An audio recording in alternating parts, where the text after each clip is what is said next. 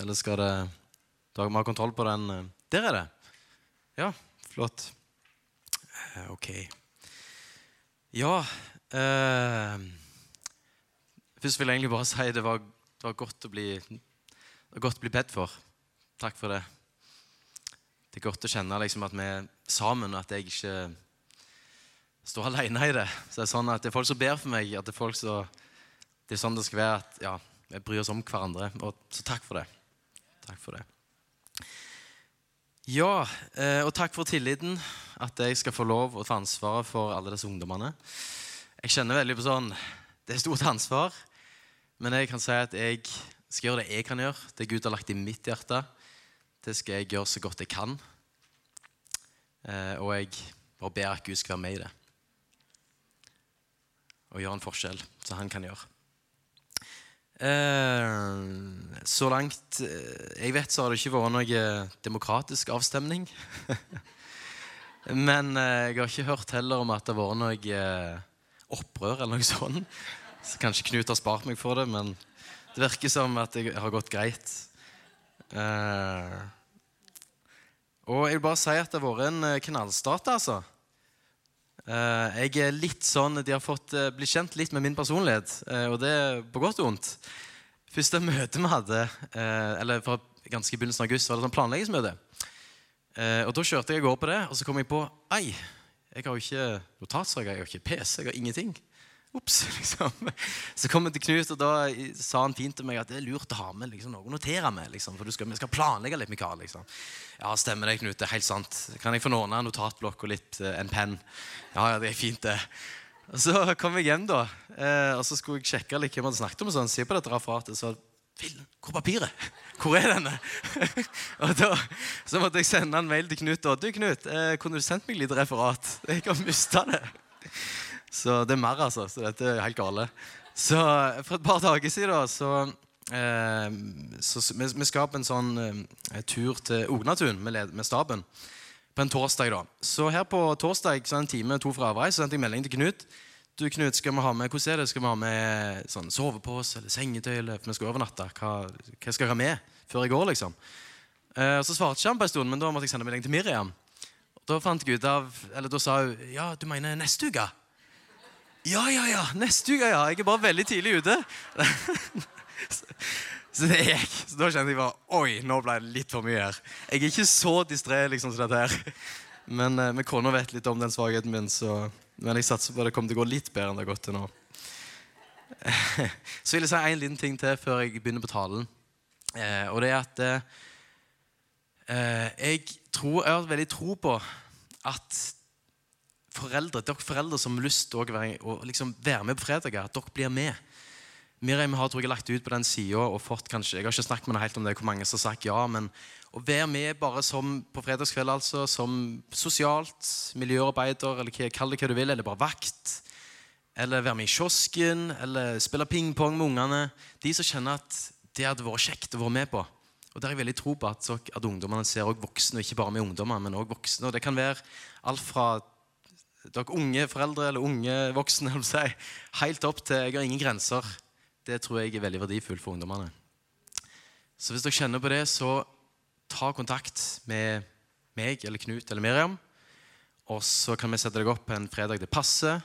Eller, eller og sette dere opp på ting dere føler dere komfortable med å gjøre. hvis det er kiosk, eller eventuelt Mest er det egentlig bare å være der. En støtte.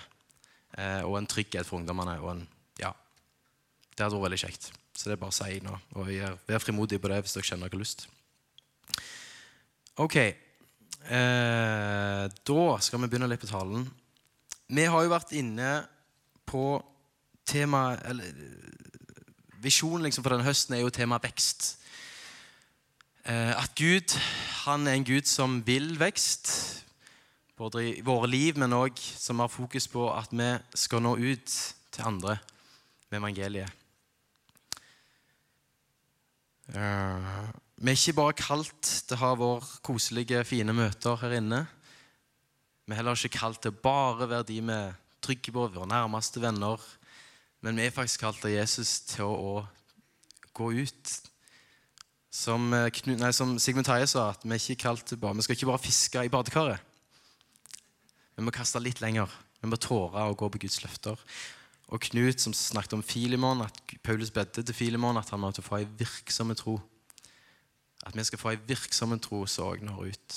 Så mens en del, de første talene og eh, en del framover kommer til å handle om hva vi kan gjøre som enkeltindivid og som menighet, hva vi kan gjøre for å få denne virksomme troen, så kommer jeg i dag til å gå og prøve å gå litt mer i det vi kan kalle kjernen eller fundamentet for at vi kan få denne virksomme troen. Det vi må hvile i, den indre motivasjonen vår for faktisk å gå ut og ha en virksom tro. Jeg har fått overskriften 'Hva Gud har gjort'. Og jeg har forlenget den bitte litt med å si 'hvile i'. Altså Vi må hvile i og stole på hva Gud har gjort, men òg gjøre ikke minst hva Gud gjør i våre liv i dag, og Han gjør gjennom oss. Så Det er det hovedtemaet som er for talen i dag. Eh, og jeg, eh, og denne talen blir også litt sånn vitnesbyrdsaktig for, for min del. For jeg, jeg, har spesielt nå når jeg har fått denne jobben her, eller når jeg fikk vite den, og nå i tida framover, så har jeg kjent på en sånn litt sånn maktesløshet. Ah, Gud, hvordan skal jeg klare dette her? Er jeg utrusta til dette? Klarer jeg dette? Og det tenker jeg at vi alle kan kjenne på når vi blir utfordra på dette og har en virksom tro. Faktisk nå ut og gå litt ut forbi komfortsonen vår. Vi kjenner på en sånn ah, 'Dette klarer jeg ikke sjøl'. Det er jo noe som vi ikke har kontroll på. Det er Gud vi snakker om. Det er noe åndelig.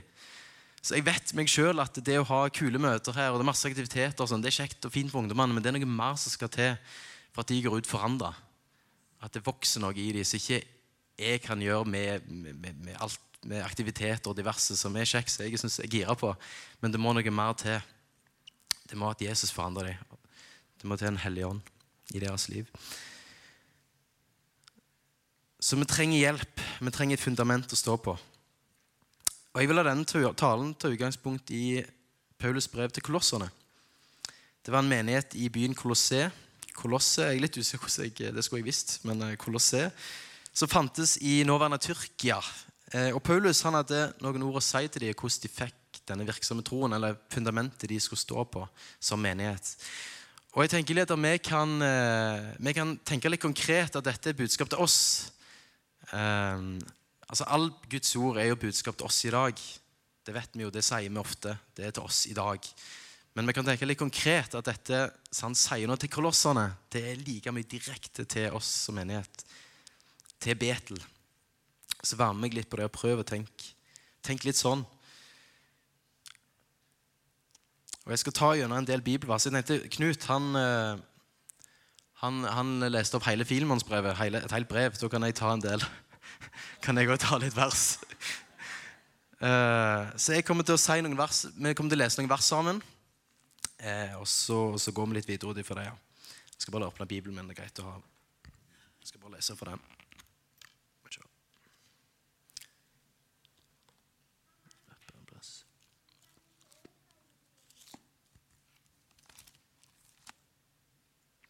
Se her. Da begynner vi fra vers 3 til 5, og der sier Paulus til kolossene. Vi takker Gud og vår Herre Jesu Kristi Far og ber alltid for dere, etter at vi hørte om deres tro på Kristus Jesus og deres kjærlighet til alle de hellige. På grunn av det håpet som har gjort ferdig for dere i himmelen, det dere før har hørt om i sannhets nord for evangeliet. Paulus gjør det bare klart for kolosserne at de har et håp som er gjort ferdig i himmelen.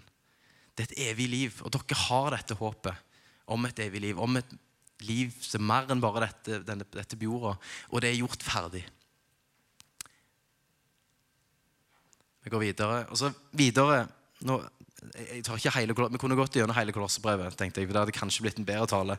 Men, men eh, nå tar vi stykkevis og delt. Så videre så sier han at jeg og Epafras altså, Ja, mellom dette, da. Dere skjønner hva jeg mener. Så sier han at vi ber for dere at dere får en virksom tro. At at Den hellige ånd må virke i dere, og at eh, dere skal bli for åndelig forstand, og dere skal klare å vandre til behag for Gud.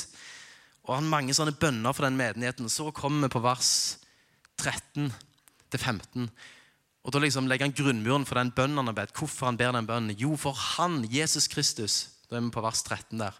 Han er den som har fridd oss ut av mørkets makt og satt oss over i sin elskede sønns rike. I ham har vi forløsningen ved hans blod, syndenes forlatelse. Han har bildet av den usynlige Gud, den førstefødte før hele skapningen. Det i ham har alt håp. Det er på grunn av han jeg kan be denne bønnen, at vi skal vandre til behag for Gud, og at vi skal leve nær han. Det er ham vi har forløsningen med hans blod. Han vi har syndenes forlatelse. Han vi har alt. Ja, Paulus klar for det. Og Så hopper vi litt videre til vers 20-22. og Der står det Og ved ham forliker alle ting med seg selv, ved at han gjorde fred med blod, fred ved blodet på hans kors, enten det er de ting som er på jorden, eller de ting som er i himlene. Dere som før var fremmede og fiender av sinnelag i de onde gjerninger, dere har nå forlikt i sin kropp ved døden, for å fremstille dere hellige, ulastelige og klanderlige for seg selv. Igjen, det er i Han, kjære kolosserne og kjære Betel, det er i Han vi har alt. Vi som før var fremmede, vi som før var fiender, står det faktisk flere ganger i Bibelen. Har, han har forlikt oss med seg sjøl ved det offer eller det Jesus gjorde på oss for korset. Vi ofra seg sjøl for oss, for vår synd. Og så fra I 1.27 vil jeg ta med det òg, som skriver til, til, oss. For dem ville Gud gjøre kjent hvilken rikdom av herlighet som ligger i dette mysteriet blant hedningene. Det er Kristus i dere, håp om herlighet. I ham, i ham, i Kristus. Det er Han som er alt. Så kommer vi til det verset som jeg har litt som som vi skal lytte ut ifra i dag, så er Kolosserne. Det står i 2, kapittel 2, 6-7. Slik dere altså nå, slik dere altså har tatt imot Kristus Jesus, Herren, så lev i ham, rotfestet og oppbygget i ham, og grunnfestet i troen, slik dere har blitt opplært. I det dere er rike i den med takk. Slik dere har tatt imot Jesus. Jeg skal stykke, stykke opp litt i verset, så kommer litt gjennom det. Jeg tror ikke Skal vi se om jeg ble litt Jeg tror ikke det var mange her som tok imot Jesus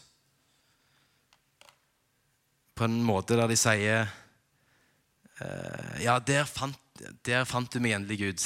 Yes, liksom, nå, nå, har jeg vært så god, nå har jeg gjort så mye bra så lenge. og liksom vært, gjort så mye bra, så nå var det på tide du fant meg. Nå skal vi få liksom, sving på dette menighetsgreiene. Få ting til å skje her.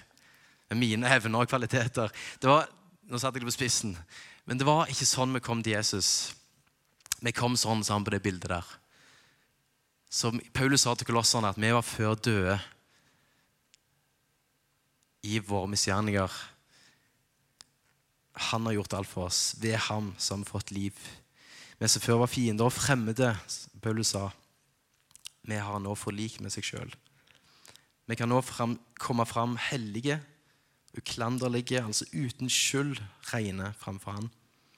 Vi tok imot Jesus i ydmykhet, helt avkledd og hjelpeløs. Det var ingenting vi kunne gjøre. Det er måten vi tar imot Jesus. Vi har mottatt det kun av nåde, helt ufortjent.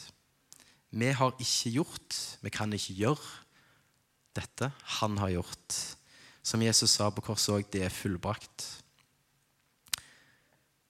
Og Derfor ønsker Paulus at vi av kolosserne og vi i Betel skal hvile i dette.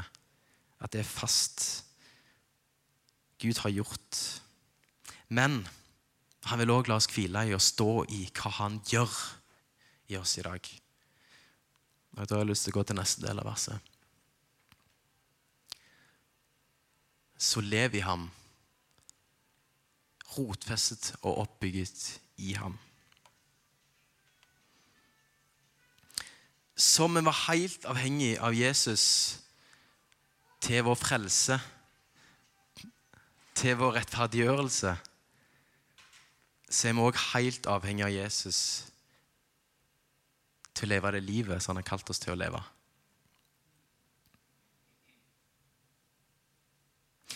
På samme måte som vi så oss hjelpeløse til å frelse oss sjøl, så skal vi òg være hjelpeløse til å leve dette livet, det kristne livet. Paulus sier at vi må leve i ham, i Jesus Kristus. En annen øvelse sier at vi skal vandre i ham. Rotfeste og oppbygge i ham.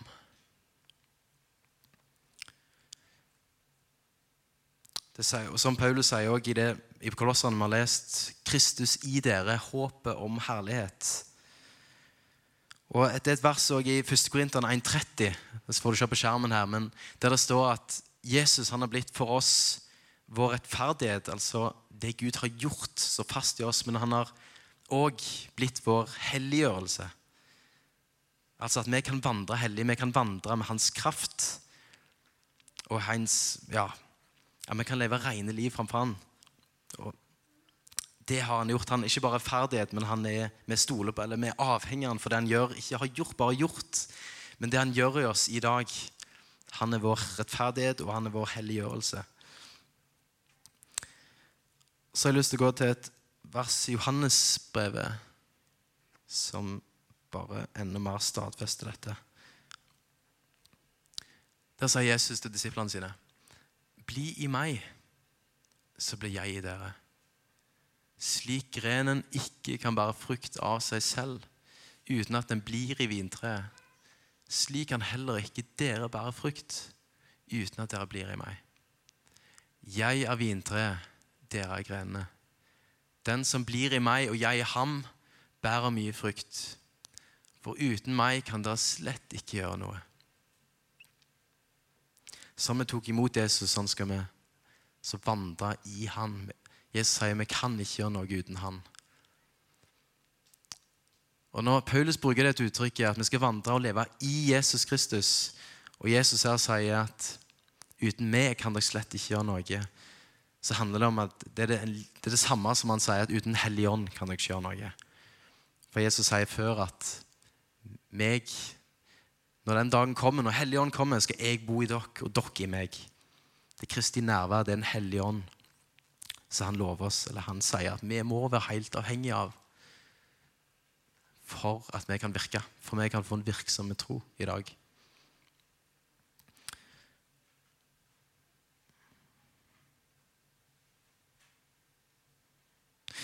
Vi skal Vi skal litt til en annen menighet. Jeg kunne ikke vente litt med det. Som Paulus snakker om i Kolosserbrevet, som han nevner. Og Det står i kapittel 2, vers 1, så sier Paulus til kolossene.: For jeg vil dere skal vite hvilken veldig kamp jeg har hatt for dere, for dem i Laudikea og for mange andre som ikke har sett meg personlig. Paulus sier han har hatt en veldig kamp for kolosserne og den menigheten i Laudikea, som var en menighet som var veldig nærme kolosset i den tida. Og hvilken kamp er det han snakker om her? Og Det får vi vite hvis vi går litt videre i Kolossene. Vi skal ikke ta og lese av de versene òg. Men Paulus, den kampen Paulus snakker om her, er at han vil at de skal se at Jesus er alt. At, at de ikke kan blåse seg opp, som det står om senere, og tro at de er noe i seg sjøl ved at de drikker og spiser den rette maten. At de har alle rette svar på forskjellige høytider og seremonier men Paulus vil si til dem ikke prøv å gå den veien. Ikke prøv å ha, la kraften være dere sjøl, men stol på Jesus.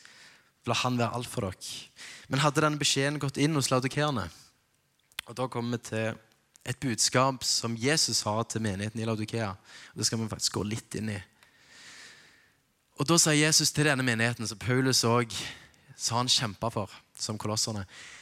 Derfor, fordi du er lunken og verken er kald eller varm, så vil jeg spy deg ut av min munn. Fordi du sier, 'Jeg er rik, har fått overflod og har ikke behov for noe', og ikke vet at du er elendig, ynkelig, fattig, blind og naken. Jeg råder deg til å kjøpe gull av meg, gull renset i ild, så du kan bli rik, og hvite klær, så du kan være påkledt.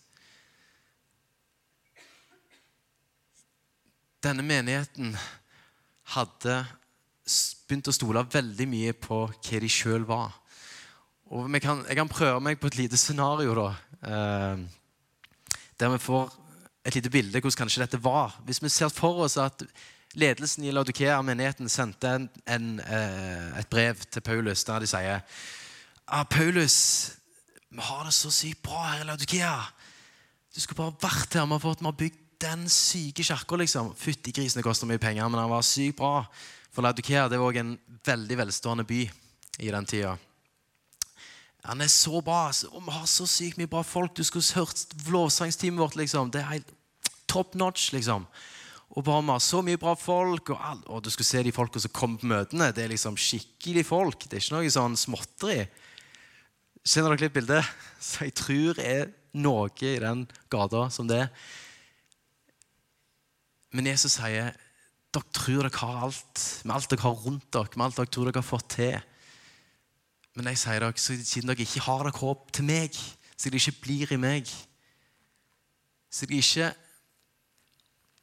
som dere tok imot meg og vandrer i meg i den hjelpeløsheten som, som de hadde for å ta imot Jesus, så er dere faktisk fattige. Men dere ser det ikke. Dere trenger meg. Og han sier, 'Jeg råder dere til å eller, Så du kan bli rik og få hvite klær så du kan være påkledd.' Det snakker om hans rettferdighet, hans nåde, som vi skal vandre i. og kalt det vandre som kristne. Og Jesus sier også en annen plass Salige i bergprekenen.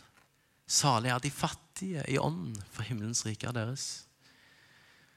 Og med dette så menes det ikke fattig i form av penger, men det er en fattig ånd. Altså noe At vi kjenner i vårt indre at ah, vi trenger noe mer. Vi trenger noe mer. Og Jeg håper ikke jeg får det fram sånn, men dette er jo ikke en sånn at vi skal være Når jeg snakker om fattighet og hjelpeløshet, er det ikke en sånn at vi bare tenker ah, ja, ja, jeg får jo ikke til noe uansett, så da får jeg bare sette meg ned, og så får Gud gjøre resten. liksom. Det er ikke det, men det er at vi, at vi bare kjenner i vårt hjerte at vi trenger Gud. At vi kjenner oss avhengige av Han til å leve dette livet vi kalte det. Til å få en virksom tro. Jeg Skal vi se Hvor er jeg nå henne? Jeg leser notatene mine.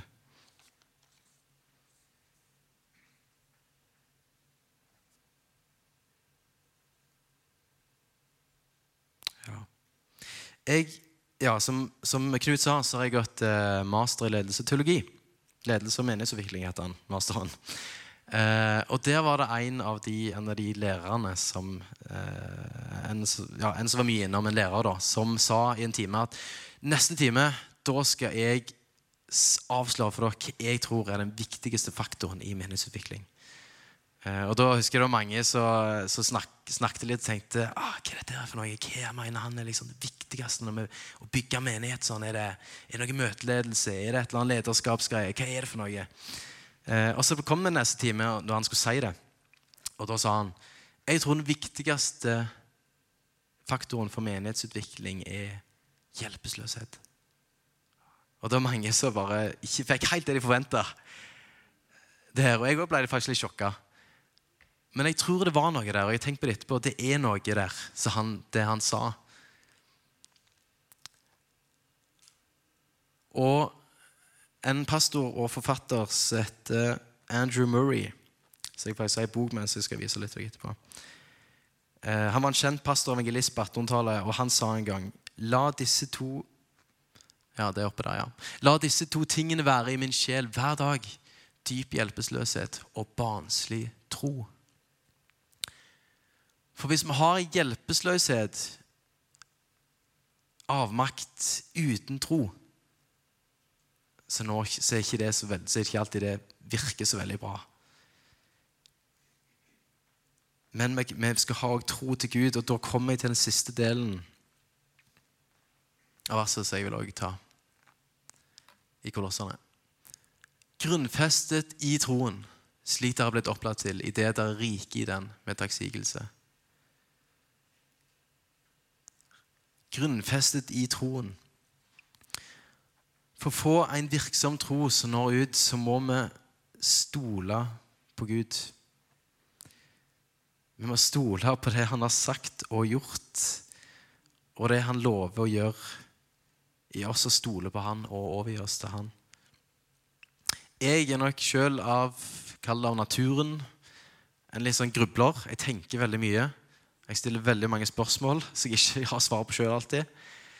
Og det Gud har gjort i meg mange ganger, og det spesielt den siste tida, er bare Mikael, du må stole på meg. Du må stole på meg.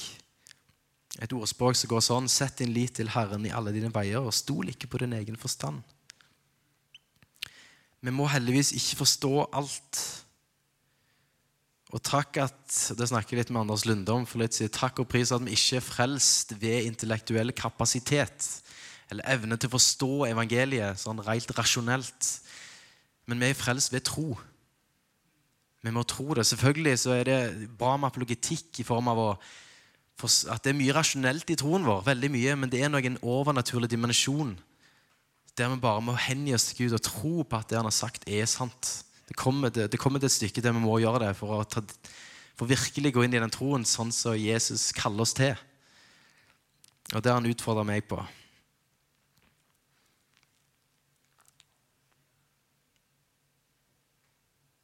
Og Derfor sier også Paulus til kolossene, som har lest før, at han ber at de må bli fulgt med åndelig forstand. Og denne troen på Gud, den er òg tofoldig. Den gir alt i form av overgivelse, i form av hjelpeløshet Ja, litt treig i hodet her. Han gir alt, og han tar alt. Det vil si, han gir alt.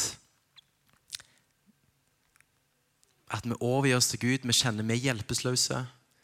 Vi må stole på det han har gjort, og det han gjør i oss. At vi må, som har tatt imot han, så må vi vandre i han. Han må bli i oss. Vi gir alt, vi gir våre liv til han, men den troen tar òg alt. Det vil si at han tar de løftene Gud har gitt oss. Han tar de velsignelsene. den alle de løftene som er Guds ord, den tar han også. Den kan vi ta til oss. Det er litt som i lovsangen når vi gjør sånn. Vi, vi gir Gud alt. Vi gir han vårt liv. Det er bare et haltende bilde. Men så, så gjør vi av og til sånn, og vi mottar alt han har lovt oss, og de løftene som er der.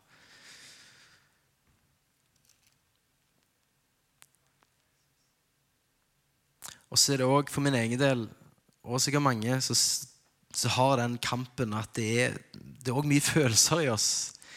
Følelsene sier ulike ting til oss. Og da har jeg hvilt en del, eller tenkt mye på det grunnlegger av pinsebevegelsen, TV Barrat, sa.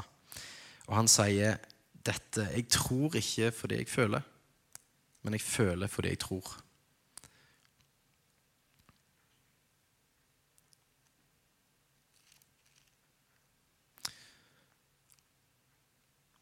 Da går jeg mot slutten. Jeg tenker Lovsangstime, skal de komme opp nå? Da kan jeg bare komme opp.